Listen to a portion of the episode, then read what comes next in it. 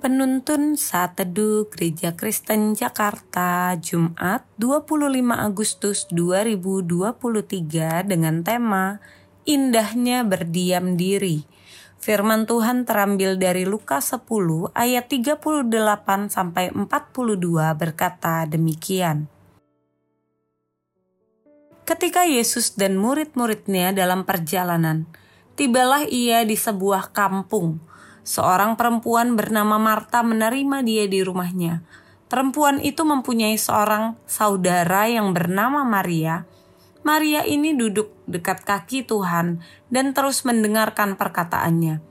Sedang Marta sibuk sekali melayani, ia mendekati Yesus dan berkata, "Tuhan, tidakkah Engkau peduli bahwa saudaraku membiarkan aku melayani seorang diri?" Suruhlah ia membantu aku.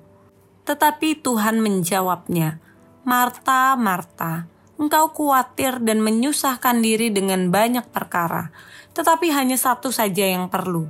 Maria telah memilih bagian yang terbaik yang tidak akan diambil daripadanya.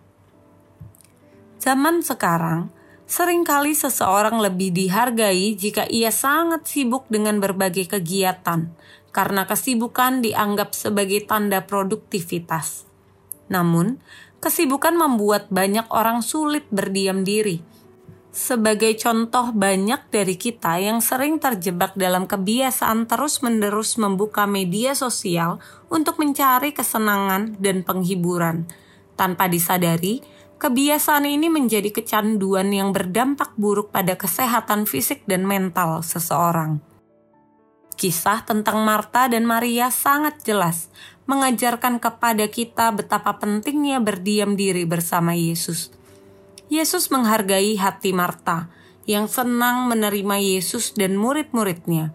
Namun Tuhan Yesus menegur Marta, "Engkau khawatir dan menyusahkan diri dengan banyak perkara, tetapi hanya satu saja yang perlu." Maria telah memilih bagian yang terbaik yang tidak akan diambil daripadanya. Marta telah banyak disibukkan oleh keinginannya melayani, namun tidak memberi perhatian pada pengenalannya akan Kristus.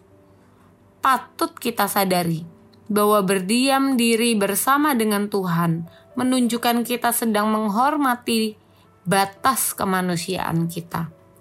Kita semua butuh beristirahat agar tubuh dan roh jiwa kita disegarkan kembali. Dengan berdiam diri, kita akan mendapati ketenangan dan kekuatan baru.